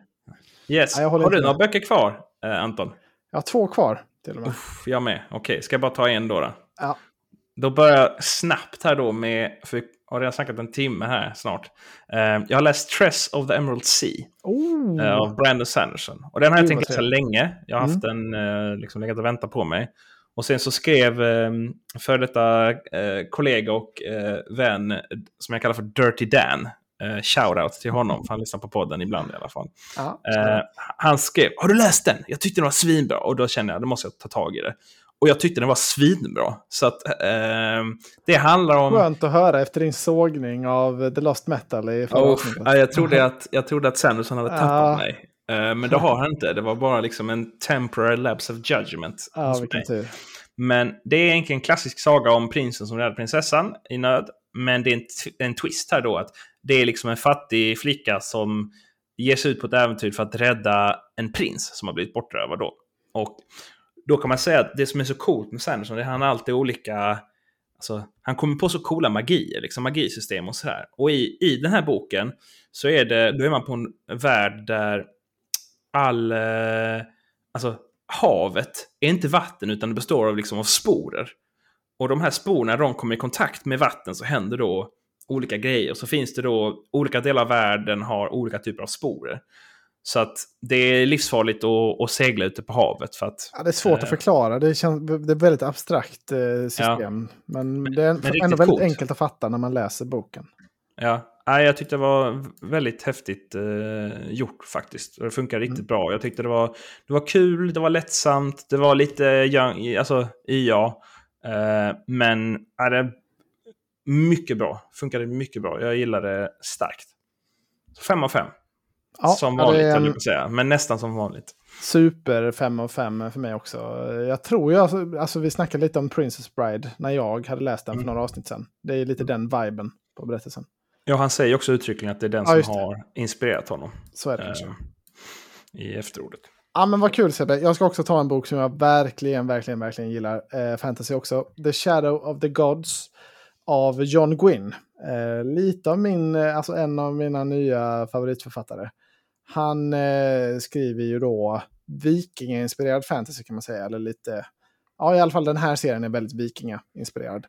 Eh, och eh, här i den här Shadow of the Gods då så är det liksom en Eh, en värld fylld med monster. Alltså det är i princip en vikingavärld då med massa jarlar som, som eh, krigar om, eh, om makten. Men så finns det också då massa, massa monster här och, och vättar och troll och sånt som man, som man känner igen om man är liksom uppvuxen, uppvuxen här i Norden. Det är väldigt kul. Näcken till exempel är med i... Alltså det, är- det är många sådana mm, gamla roliga som dyker upp. Ja. Mm. Eh, men i den här berättelsen då så får man följa tre olika perspektiv. Och ramverket är att det börjar försvinna barn i den här världen. Lite från överallt, liksom olika, från olika byar och sånt. Eh, och ingen vet var de tar vägen eller vad som händer. Och sen så får man då följa tre olika karaktärer som på ett eller annat sätt blir inblandade i de här då mysteriet och jakten på vad är det som, vad tar de här barnen vägen. Eh, och den här boken är en av de absolut bästa jag har läst på att liksom jobba med cliffhangers. Alltså varenda, det är liksom jättekorta, tajta kapitel. Och varenda gång så känner man, Hel ah, nej, byt inte karaktär nu, nej, nej, nej, byt inte. Och sen så läser man nästa så bara, nej, nej, nej, nej, nej, inte byta nu igen. Och så liksom, det var ett otroligt driv genom hela berättelsen. Eh, och det var den här jag fick av dig då i, i present, Sebbe. Eh, ja, du misstänkte väl att jag skulle gilla den och jag älskade den. Alltså det är eh, ja, otroligt spännande och liksom lättläst och man bara liksom rusar igenom hela det här äventyret. Eh, inte så mycket, alltså så här, inte så här jätt, inte, inte det mest episka, det är inte så mycket så här det goda och det onda och stora arméer och sånt, utan det är lite mer av en, ja men av eh, ett, liksom ett spännande äventyr. Eh, Mm. Hade, du läst den här Sebbe? Du fick den bara rekommenderad från uh, fantasybokhandeln. Ja, det, var en, eh, det var en kille på fantasybokhandeln. Mm. Så kom jag in och sa jag behöver någonting. eh, Han, kom, han, han gillar liksom inte dialog, så han, han gillar action. ja. Eh, och då, eh, då fick jag dels den här dels en annan av eh, Dalgish, hette han va? ja, som i, den, den gillar jag också jättemycket. ju. det var väl förra årets bok, eh, tror jag. The Bladed Faith, tror jag den Ja. hette. Ja. Som ligger hemma hos mig faktiskt, för jag ska läsa den, men den inte kommit eh, så. Så Mm. att det var... Eh, just den där boken tror jag i att jag valde själv, för att du har sagt att du har ju läst en annan serie av honom. Men, eh, men det är fint att jag levererade. Det var ju de två som fick det ju även eh, om det var eh, Monte Cristo, som du hatar. Ja, Så men att, eh, exakt. det var då att väga upp. och Eh, Dracula kanske. Jag tror ja, det var en till. Dracula också, ja. Väldigt fina inbundna exemplar. Mm. Men Jag förväntar mig många fina böcker i present. För du har snart Sebbe. När, du, när du fyller 30, då är Ja, Mm, exakt. när jag fyller 30 då ska jag få massa eh, böcker. en, bara en till positiv sak. Jag tycker det är lite av en frisk fläkt här. Eller för här, det är två av huvudkaraktärerna som är kvinnor. Och eh, alltså det görs ing, det finns, alltså kvinnorna och männen är exakt lika bra på att slåss här och det är exakt lika bra på att kriga och sådär.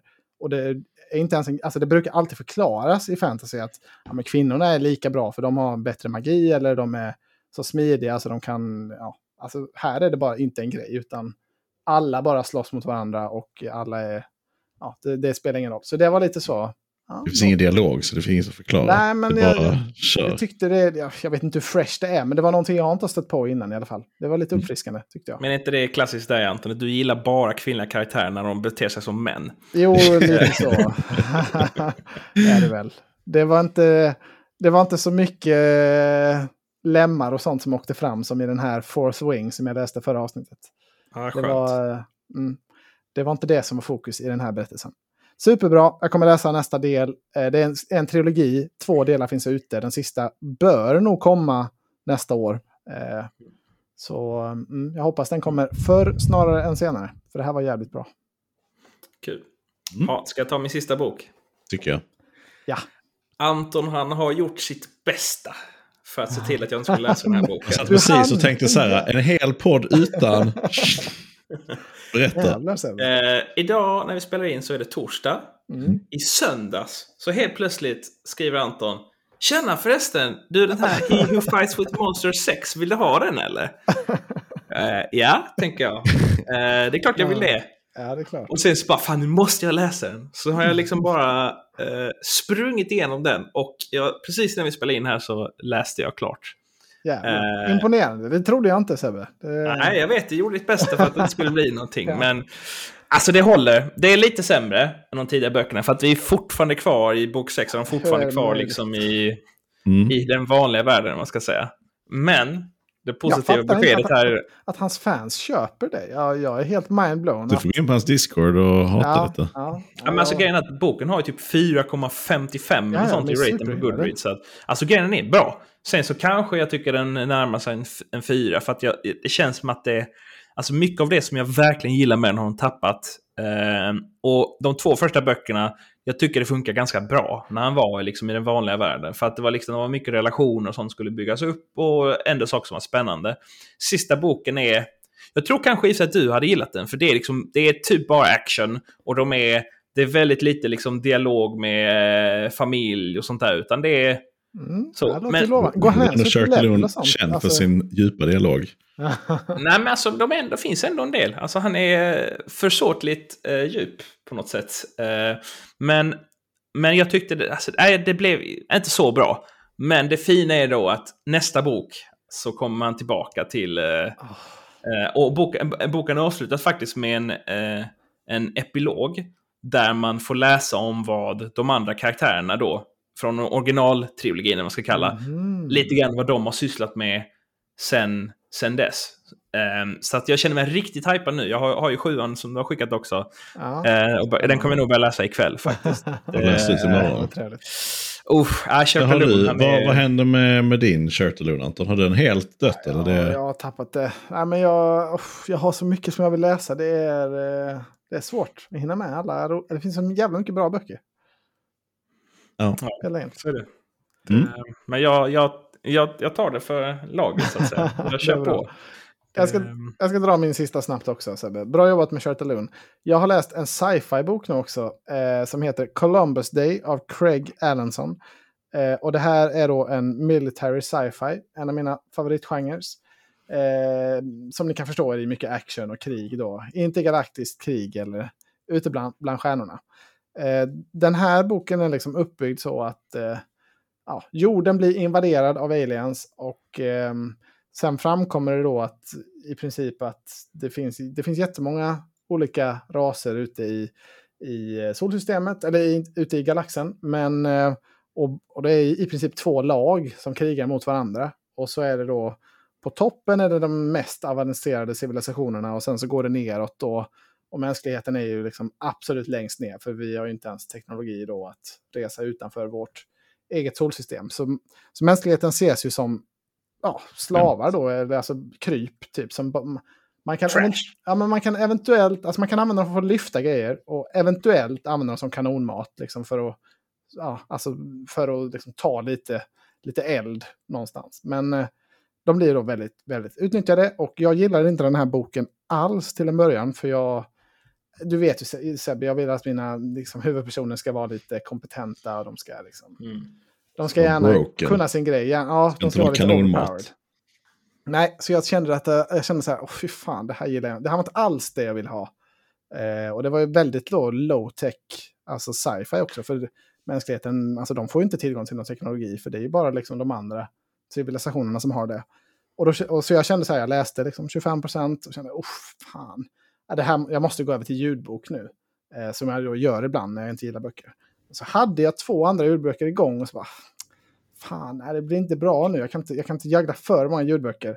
Så jag fortsatte harva på. Sen nästan exakt halvvägs in i boken så händer det, alltså då får mänskligheten då ett S i rockarmen, eller vad man ska säga. Alltså ett superleap som, som huvudpersonen hittar då, liksom av, av ren flax kan man säga.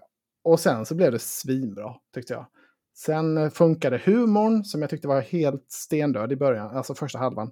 Funkade jättebra sen, alltså efter det här. Och det var jättebra action, jättespännande liksom, teknologier, mycket spännande, ja, väldigt bara spännande sci-fi.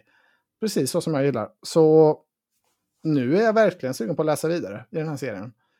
Så det är lite svårt att betygsätta. Första halvan gillar jag inte alls, andra halvan jättebra. Men eh, ja, kanske en eh, svag fyra eller något i betyg, för det var, jag blev väldigt investerad till slut. Men eh, det var en lite spännande upplevelse, tyckte jag. Mm. Men eh, jag tycker ju fortfarande, alltså Murderbot eller We Are Bob är ju alltså, lite liknande kan man säga. Och de är ju bättre. Men eh, jag tycker Hade jag gillat den tror du? Nej, det tror jag inte. Alltså det, man ska nog vara ett fan av genren för att, för att liksom komma in i det. Ja, det här finns ju, det finns, jag tror det är 14 delar och den är inte ens färdigskriven än. Så jag, det kom, jag kommer ju inte läsa klart alla de här, det kommer inte hända. Men kanske några till, jag får se. Jag gillar ändå We Are Bob, alltså, eller We Are uh, Legion. Mm, uh, men de är ju best in class. Alltså det är ju den, det är så bra som det blir, tycker jag, mm. i, i sci-fi. Fattar. Ja, kul. Men jag har varit sugen på den här länge. Kul att ha läst den, men det var verkligen inte alls som jag trodde. Ja, det var alla va? Var det? det var alla ja. Nu kan du sätta på eh, öronen igen. Eller? mm, ja, va? Vad sa du? ja, vad händer nu då? Eh, nu så ska vi ta månadens bok då som jag har valt. Eh, eller hur är det grabbar? Eh, Nej, inte. Nej, jo, men nu ska, nu ska vi, vi ska väl först presentera då nästa månad. Jag får väl presentera först. Ja, ja det var det, jag, tro, jag trodde det var det du menade. Ah, Han okay. sa månadens bok som jag har valt. Mm. Ja, just det. Nej, det är min tur att välja. Mm. Uh, jag uh, har hittat en bok som jag tror kommer passa alla bra. Gud vad spännande. Mm. Jag började, jag höll på att scouta efter böcker jag skulle läsa den här månaden. Och sen så hittade jag den här boken och tänkte jag, oh den här verkar spännande, den vill jag läsa. Och sen så skulle jag börja och så tänkte jag så här. Jag tror kanske att Anton hade gillat den här. Sen upptäckte jag att det till och med finns en film. Som Anton då brukar gilla liksom. Kan man se filmen också efteråt. Mm. Dessutom med Antons eh, typ av skådisar. Eh, och sen så tänkte jag så här. Jag tror kanske Sebbe hade gillat den här också. Och så tänkte jag måste gå in och kolla om någon av dem har läst den. Och då hittade jag att den ligger på Sebbes to read-list på Goodreads dessutom. Oj. Så tänkte jag, har vi den. Mm. Klappat och klart. 352 sidor. Eh, och då för min egen del, non-fiction. Mm. Kan du gissa ja. vilken bok det är på den informationen Sebbe? Oh. Ta upp din lista, scrolla igenom. Ja. Um, ska vi se. Det. Någon film som har gjorts av det? Non-fiction. Film. Men är det inte den uh, Africa? Alter States? Ingenting med Africa. Nej. Uh, nej, men jag vet inte riktigt. Du får nog... Nej, boken heter The Lost City of Sea, A Tale of Deadly Obsession mm. in the mm. Amazon. Det är ja. väl återigen han, uh, den här som jag tänkte välja då förra gången. Uh, Killers of the Flower Moon. Är det samma författare va? Det mm. vet jag inte. Jag tror inte det. Det kanske det är. jo, det är det. Det är samma författare. Ja, Ja, för jag har Yes. också varit inne på den här. Jag, jag har sett filmen, jag minns inte jättemycket från den. Men eh, jag, mm, den här vill jag definitivt läsa. Det var ett Mm. mycket trevligt val. Det var ju han som skrev den här The Wager också, som jag läste Ja. ganska nyligen, som var trevlig. Jag såg det här. Jag Och, minns inte varför jag har satt den här på min to... Alltså jag Nej, det- tror det var någon annan du har valt och så har den liksom... Att den var lik... Jag du vet tycker ett fel. Nej, men eh, alltså, det, den, jag tycker den påminner lite om Mörkrets hjärta-aktigt. För det handlar om en eh, alltså brittisk eh, superstar explorer som eh, när typ så i början på 1900-talet när stora delar av världen är explorerade så bestämmer han sig för att han ska explora i Amazon Rainforest då, alltså i Amazonas. Och sen eh, försvinner han och ingen hör mer från honom. Och sen är det då en, han här då, eh, författaren har gjort en egen då Journey into the Amazon för att då lista ut och ta reda på vad det är som har hänt med honom. Och det är ingen som riktigt vet det tror jag. Så han har liksom skrivit sin story av vad han tror. Samtidigt då som man får mycket fakta om Amazonas och eh, allt som lurar där inne. Så det lät Mm. spännande. Bra val. Mm, Den- det tror ska det kommer att läsa. bli eh, bra. Och hade jag inte valt den så hade jag läst den själv till den här månaden. Ja. Men då har Ja. jag någonting att se fram emot. Uff, det är Tom Holland som spelar eh, en Exakt. av rösterna. Och Och det Robert andra är han Pattinson. från eh, Charlie Hunnam. Vad är det han, han är med i den här Sons of Anarchy. Ja. Ja. Och Det är därför jag tänkte Twilight. att det här eh, Robert li- känns Anton-aktigt också. Så att Ja, jag tror det den kommer passa jag- alla tre. Jag var väldigt taggad på den filmen när den kom, kommer jag ihåg. Det var verkligen i min vedbord. Sen såg jag direkt. Mm. Den här boken vill jag läsa. För det är bra, jag kommer inte ihåg riktigt. Så förhoppningsvis så kommer jag inte på för mycket heller. Vad, nu vet jag inte hur mycket twist och sådär det ska vara. Men eh, jag är inte Nej. ett jättefan av att se filmen först annars i vanliga fall. Mm. Men du, du har, hade du läst Kills of the Flower Moon? Nej, du har inte gjort den. Nej, jag har inte hunnit göra det än. Det kommer kanske till nästa månad då. Det är snart dags. kan bli. Mycket sugen är jag i alla fall. Mm. Eh, ska vi gå vidare nu då till eh, månadens bok som vi har Det läst allihop. Mm. Det Och det är jag. du som har valt, så det är du som presenterar. Ja, och den här boken är då från en av mina favoritförfattare, Bernard Cornwell. Den heter Waterloo. Eh, nu ska vi se vad är hela titeln. The History of Four Days, Three Armies and Three Battles. Eh, och eh, när du gjorde din post om det här i gruppen Sebbe, att den här, månaden, den, här månaden eller den här boken har vi valt till nästa månad. Då insåg jag att jag hade gjort ett huge mistake. Mm. För då skrev du då att det var en non-fiction-bok. Författarens första non-fiction-bok. Mm. Och då kände jag direkt, nej. Nej, vad har jag gjort? För Ja. det, det jag ville åt, alltså det som Bernard Cornwell gör bäst, det tycker jag är att han tar historiska händelser, paketerar det med spännande karaktärer, mycket action och sånt. Och så får man liksom både kul och lära sig samtidigt. Och nu då, i och med att det är non-fiction, så tänkte jag, ah, ja, då försvinner ju kulbiten. Fan, har du inte researchat? Nu är det väldigt Nej, lågt. jag var alldeles för dåligt researchad. Men jag har ju läst nästan all, alla andra hans böcker har varit exakt samma mall. Och sen, skrev- oj, Det var också felskrivet tror jag i titeln, i, alltså i, i avsnittet. ja, det är... Jag glömde bort vad boken hette och sen skulle jag Ja. kolla upp den och sen så kollade jag och så bara ah, okej. Eh, så i, i, där står det ju Waterloo, the true story of four days. Men det skulle då vara the history of four days. Jag Ja, det kan hittade inte boken först. sa Så för er lyssnare som inte har hittat den, som har läst den, eh, så ber vi om ursäkt för det. Ja, Ja. men det är ju då en skildring av de här fyra dagarna som... Alltså, slag, alltså dagarna innan och själva slaget då, Waterloo. Eh, Mm. Och det är mycket så här, beskriver de olika arméerna och deras truppförflyttningar. Och sen är det då mycket fakta, liksom hur många, hur många var det på respektive sida, hur var de uppdelade. Och så är det en del ögonvittnesskildringar också som han lägger in för att beskriva då olika scener som, som händer under tiden när den här, det här slaget utkämpas. Eh, och lite så här bilder också i varje kapitel, när man, i alla fall när man läser den då. Eller Jag Mm. läste den på e-bok. Lite trevligt tyckte jag, det höjde känslan lite. Får jag bara försvara min heder? Mm. Och säga att eh, den heter exakt så som jag skrivit på Goodreads i alla fall. Så att... Eh, Då har jag läst en annan bok. Jag läste vara den som var non-fiction, ni läste den som var the true story. det kan Ja, vara men det finns en som heter och... The History of Four Days. Ja, det finns som heter två olika. Men jag vet inte vad som är Det är säkert skillnaden brittisk av- amerikansk översättning. Det, är väl Det ibland är det. säkert något. Någon senare utgåva. eller Något. Ja. ja, fortsätt Anton. Ja, nej men det var väl egentligen vad, vad boken är. Liksom, eh, rätt och slätt en beskrivning om hur det här slaget utkämpades. Mm. Eh, och det var ju inte alls det jag var ute efter då. Eh, var väl min. Så jag blev li- direkt lite så här, oh, fan också. Ja, jag får väl läsa den här nu. Men jag vet inte, vad, ty vad tyckte ni? Börjar du göra det? Jag tror att det är ja. så. Nej, men jag eh, hade ju inte förväntat mig då, eftersom att jag inte visste någonting om boken, att det skulle vara non-fiction. Utan jag tänkte när jag läste titeln att ja, det här är väl en faktabok om Waterloo. Eh, och det var väl lite där det var också. Det var mycket beskrivningar och det var mycket detaljer och uh, ja, uppradning av event och så vidare. Uh, och det är väl inte helt fel det heller. Alltså det kan ju vara ganska spännande att läsa lite om historia och krig och sånt.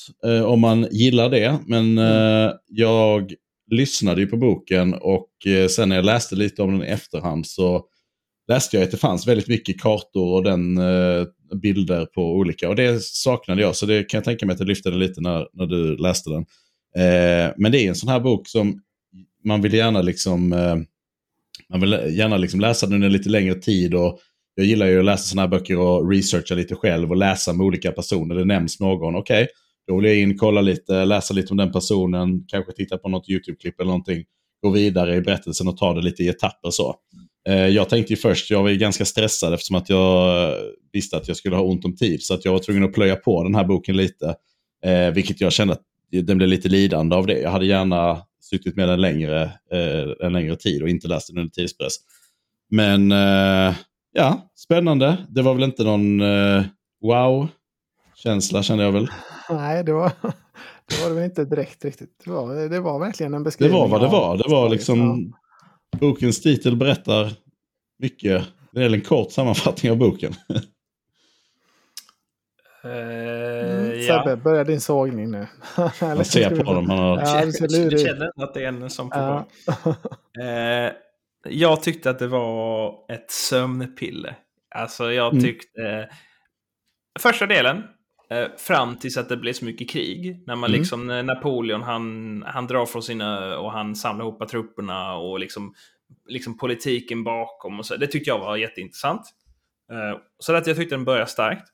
Men sen när de väl kom in och skulle börja kriga så det blev så himla detaljerade redogörelser för den mm. här, mm. det här kompaniet stod ja. där och de stod ja. där och sen så sköt de där och sen så kom det kom det liksom hästar där. Alltså det blev liksom för mycket. Alltså, det är här, Jag orkar inte, liksom inte ens, jag orkar inte läsa skiten. Alltså, Nej, men, men jag känner lite så att man ska nästan sitta typ med en karta och vara väldigt militärhistoriskt intresserad och typ så rita lite eller sätta ut lite grejer och sånt för att förstå liksom och graspa hela situationen. Men det var ju väldigt mycket så, listor och så, mm, ja okej, okay, mm. det var detta och sen hände detta. Och sen när man har läst lite till så var det så, ja, nu minns jag ingenting av det som hände för när jag lyssnade för tio minuter sedan. Något nytt här och så. Ja, alltså jag måste säga att jag tyckte aldrig boken var tråkig. Jag, liksom, jag är väldigt militärhistoriskt intresserad, så jag tyckte mm. det var ja, men spännande, intressant, liksom ganska så ja, men målande beskrivet också med de här uh, olika ögonvittnena som beskrev hur deras upplevelse var. Uh, men där, sen tycker jag ju inte, alltså jag tycker inte boken har något egentligt existensberättigande. Alltså det behövs inte så mycket. Det behöver inte vara så långt om ett slag. Alltså det, det hade kunnat vara liksom ett poddavsnitt på 45 minuter mm. om Waterloo. Det var ja. Jag är besviken på mitt val. Även om jag tyckte det var inte ett sömnpiller då för min del. Ja, alltså jag tycker också just att alltså, det är ett jätteintressant slag. Och eh, det var liksom intressant att få veta, för jag har inte vetat så mycket om det. Men just vilka aktörer var det och liksom varför varför blev det av överhuvudtaget och sådär. Men mer intresserad av de stora dragen än av de här detaljerade mm. redogörelserna som sen med det helt. kom. Liksom. För det är så här, ja. ja. och så var det någon liten farm där och den tog de och då blev det jobbigt för då kunde de skjuta in och sen, äh, det blev liksom för mycket. Sen, en sak som jag tyckte om och som jag tyckte var intressant, det var ändå alltså när han redogjorde för alltså, de olika strategierna, alltså med, mm. med linjer och kolumner och liksom för och nackdelar med kavalleriet och artilleriet och infanteriet. Liksom på ett sätt som, så ja, okej, okay, det har inte jag fattat innan. Liksom att, ja, men där ställer man sig i kolumner för att det är bra mot hästar, men det är dåligt mot artilleriet. Mm. Och linjer, ja, det är bra om man möter kolumner, för då kan man ha många som kan skjuta. Alltså den typen av grejer liksom som ändå för mig var lite nytt. Har du inte spelat Age of Empires 2? jo, men alltså inte, inte så att jag Så, men det, det tyckte jag faktiskt var lite intressant. Men, Mm. men det var ju de här stora dragen. Och sen, Ja, jag håller Eh, helt med. eh, en grej också som jag säger, ja, det är klart att Alltså jag tyckte det var en frustrerande bok också. Och det är såklart att i efterhand med facit i hand så är det jättelätt att säga så här, fan vad dåliga de var, varför gjorde de så? Och det gör han ju ganska mycket, han säger så här, ah, han borde gjort det, men det gjorde de inte. Jag tyckte att alltså framförallt Napoleons sida framstår som så jävla inkompetenta. Liksom. Så här, ingen gjorde det Ja. de skulle. Liksom, så här, ja men gå dit, bara, nej vi pallar inte. Ja, jag, liksom, Man blir inte Nej. så imponerad av Napoleon eh, av att läsa den här boken. nej, nej. Det fanns också något riktigt sjukt, eh, alltså Napoleons kvinnosyn tyckte jag också, han, han framstod som en otroligt osympatisk, men han hade någonting typ när han sa att kvinnor i princip att de, ja, de, de bör behandlas som slavar, de ska liksom inte tänka, de ska, alltså han är så här, jag vill ju ändå någonstans heja lite på Napoleon, det hade varit fett, man vet ju att Napoleon förlorar, men det var ändå så här, det hade varit kul att kunna heja lite på honom mer än, än vad jag ändå Ja, gjorde. det hade varit roligare om man hade liksom avslutat mer värdigt på något sätt. Alltså, Ja. det, ja, jag tycker också det var lite av en besvikelse. Jag, jag, alltså jag tycker att den här boken, alltså ungefär så, så lång som den var nu, och med de här intressanta delarna liksom om ja, men, eh, kolumner och ja, men jag tyckte det fanns absolut spännande saker. Men jag tyckte kanske att den här längden på bok kunde varit hela Napoleons, liksom, från att han tar makten fram till detta. Mm. Det hade jag ju mycket hellre läst än bara då ett enda slag. Finns det inte någon sån eh, 40 timmars podd med Dan Carling eller någonting om detta också? Jo, säkert. Ja. Jag vet Ja, att det- Historia nu har poddavsnitt om Napoleonkrigen. Mm. De lyssnade jag på efter jag hade läst eh, boken. Mm. Var det bättre än boken? Ja, alltså jag tycker man, man fick ungefär, de är också rätt så negativt inställda mot Napoleons liksom, olika idéer mot, mot slutet av hans, eh, av hans eh, tid. Så jag tyckte väl de var inne på rätt så mycket samma spår. Eh, kanske att det var lite för, där gick det lite för snabbt. Det var kanske då två timmar om hela Napoleon. Det var kanske lite väl lite. Så, Ja, jag hade ändå kunnat tänka mig läsa en, ja, men som är en, liksom en biografi om Napoleon. Alltså större dragen, om, Ja. men hela hans. För att det finns ju ändå mycket intressant, alltså just kring franska revolutionen och hans roll där och så, som jag inte riktigt har koll på. Men som är ju väldigt, alltså just franska revolutionen är ju ändå en otroligt intressant liksom, tid. Franska versionen är mycket mer Ja. spännande tycker jag än eh, eh, det här. Jo. ska man eh, ge... Ja, förlåt. Ja, men jag, jag vet inte riktigt om jag håller med, men alltså, jag tycker väl båda är jätteintressanta. Jag vet inte om, Mm. om en är mer intressant än den andra. Jag säger mer krig som någonting så här, äh, lite så här, ja, och sen var det krig. Då behöver jag inte veta så mycket mer om det. Utan det är mycket mer de politiska maktspelen och dragen som jag tycker är intressant i historia. Utan det är så, okej, och sen ledde detta till ett krig, bra, då kan vi hoppa vidare och sen kör vi nästa. Eh, Jag, jag älskar ju det här. Alltså, jag älskar att Jo. han ra, radar upp hur många soldater det är. Jag tycker det, vet är jag helt att chockerande att det inte dog fler. Alltså, jag fattar Mm. inte, hur, hur kan så många överleva? Alltså, det, det är typ så här, vad sa han, 3500 som dog av 77 000 i någon av arméerna. industrialiseringen av krig hade inte börjat än. Nej, men en, alltså, jag tycker ändå det är helt sjukt när de beskriver Mm. artilleriet och liksom hur de mejar ner varandra och hästarna. Och, ja, jag blir alltid nästan alltid konfunderad över att det är så många som överlever. Mm. Men ännu Ja. mer är vanligt här. Du är besviken, du hade velat att fler skulle dö. Ja, Det brukar vara sådant Anton.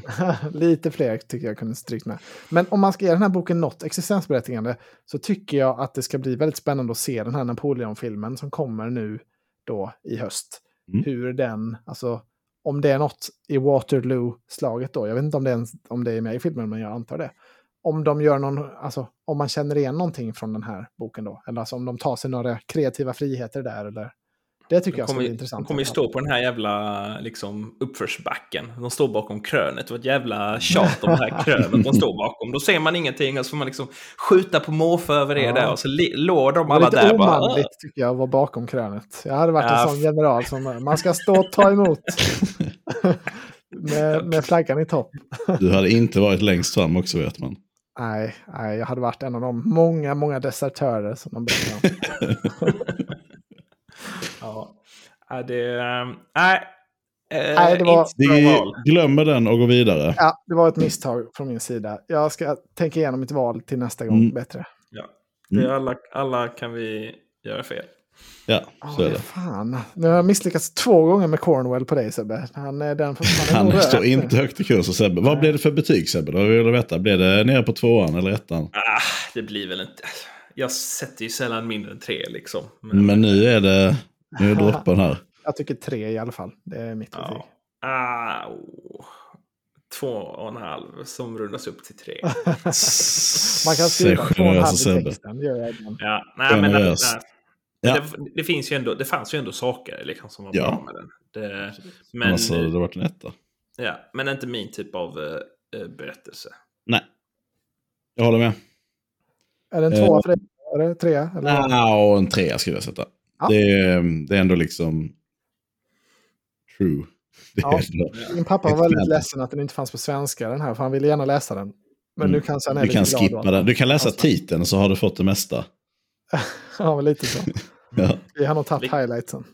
Ja. Vilken av titlarna ska han läsa då? Din Eh, eller min? eh, han, jag tycker han ska läsa min titel då. Ja, okej. Nej, men synd. Man kan inte alltid välja. Det är inte alla som har så fantastiska eh, fina val som jag. Så är det. Eh, Så är det ju. Jag kan ju bara avslöja att om man tittar på vilka avsnitt som varit mest populära av de jag spelat in än så länge. Så är det ju eh, De mitt jag har varit med val som eh, ligger högst. Vill Vilket val var vilket? Alltså högst rankade avsnittet, det är vårt första avsnitt. Mm. Eh, Det var det mitt det- val, Sebbe Bell. Nej, då hade vi inte valt val? alls. Fan, var det andra? Eh, ja, den ligger otroligt långt ner. Sist. Drakar ligger nog... Nej, en, två, tre, fyra, fem, sex. Sjätte sist. Sist av alla ligger The Princess Bride som folk av någon anledning inte vill lyssna på. Nej. Men eh, det avsnitt som, som har flest lyssnare då, förutom första avsnittet och vår årskrönika, det är faktiskt Kindred. Så det är ju årets första avsnitt. Som, Ja, Sen kommer Morgon i Jenin. Och sen Mm. kommer Cobalt Red och sen kommer Gentleman i Moscow och sen kommer. Greven av Monte Cristo. Så det Vänta, är alla ödesval där. Vänta. Oj. Aj, aj, aj. aj, aj, aj. Eh, Ja. Så att... Eh, Sprid det här avsnittet till alla ni känner nu. Eh, om ni Precis, för det är ju mitt val den här månaden. Ja, men det här, det här ni lyssnar Ja, på nu. vi, vi förväntar oss en peak nästa månad då i lyssnarsiffror. Ja. Eh, det växer och det är kul. Ja. Det är mycket kul. Kul att ni är med på Sveriges enda riktiga bokpoddresa. Det hedrar er. Sprid ordet gärna vidare. Ska vi säga någonting om helgen? Eh, ja, det kan vi väl göra ytterst kort. Det kommer ju mer i nästa avsnitt då. Men eh, vi ska på Lunds spelfestival. Eh, Mm. Det är väl inte jättebokkopplat, men du... Eh, det Det fanns ju lite om böcker och så. Ja. Ganska mycket om böcker. eh, och det ska vara då rollspel och brädspel. Det här gör de, har de gjort ett par år nu. Så det ska bli Mm. väldigt spännande att se vad det är. Men Vi har ju fått presslägg, det känns ju riktigt sjukt. Det är, det är nu det lossnar, kan man säga. Det är nu det lossnar. Att, Ja. eh, och sen, när, var- när är bokmässan? Dit ska vi väl också ta oss, har vi sagt. ja, det brukar väl vara september? Det är löst 28 det. september. Ja. Oj, ja, det är dags Alltså- att börja jobba på att, så att vi får presslägg dit då. Mm, det löser vi. Ja, fint. Men då kanske vi är klara för idag. Det är vi. Tack så hemskt mycket. Tack, Tack, så mycket. tack. Vi hörs om en månad. Hej. Nej.